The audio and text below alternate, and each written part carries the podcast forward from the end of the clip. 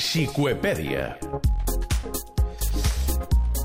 Tram final del Tot Costa, la Xicue aquests dies està tirant de Xicuepèdia per acostar-nos les estrelles dels Jocs d'hivern de Pyeongchang, on s'han repartit algunes medalles històriques. Sí, la de Axel Lund és 20 del 35 anys, és noruec, i atenció perquè és el primer or olímpic de Noruega en la que se considera la disciplina reina de l'esquí en els Jocs, el gegant. I a més a més, és l'esportista més fadrí en proclamar-se campió olímpic d'esquí alpí. És el primer esquiador de la història també en convertir-se campió olímpic en les dues disciplines de la velocitat. Va fer or en el Supergegant a Vancouver 2010. 현재 8강 랭킹 1위입니다. 자, Sí, 보겠습니다. com ho explicava avui la televisió coreana. A més de la plata a Vancouver, també va ser quarta a Sochi en el gegant, més molts èxits en les proves de la Copa del Món.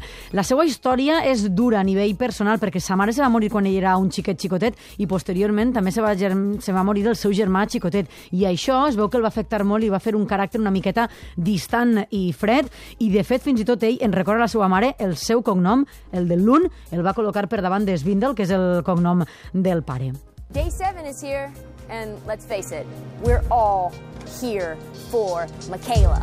Michaela Schifrin només té 22 anyets i atenció que deus amb este nom perquè està cridada a ser la gran estrella dels Jocs perquè a més opta a aconseguir fins a 5 medalles i totes apunten a que podria ser l'or. Amb 17 anys va ser l'esquiadora més jove en guanyar una prova de la Copa del Món i un any després, als 18, va guanyar l'or en l'eslàlom de Sochi 2014. Suma més de 40 victòries en la Copa del Món i en estos Jocs de Pyeongchang també farà l'eslàlom gegant, la combinada, el supergegant i el descens. I com te dia, apunta a medalla en tot. S'entrena a físicament molt durament, però també mentalment, perquè l'any passat li va agarrar com una espècie de crisi d'ansietat, va tindre molts problemes i va decidir que també entrenaria el tema mental. Ho fa amb un psicòleg especialitzat en esportistes d'elit. Sa mare Eileen l'acompanya a totes, totes, totes les competicions.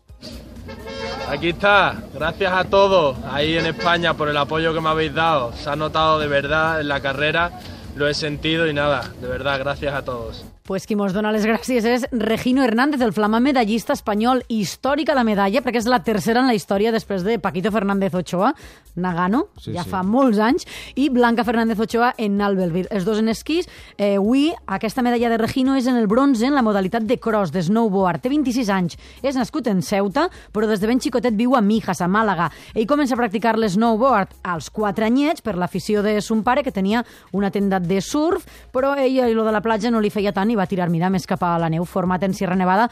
També va provar amb l'handbol, però es veu que el tema neu a ell és el que més li agradava.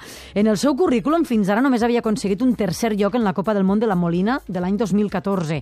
Això sí, com a júnior ja va començar a despuntar i va ser campió mundial uh, fa set anys. No era el favorit de la delegació espanyola, i era Lucas Eguíbar, però no ha passat fins a la ronda final.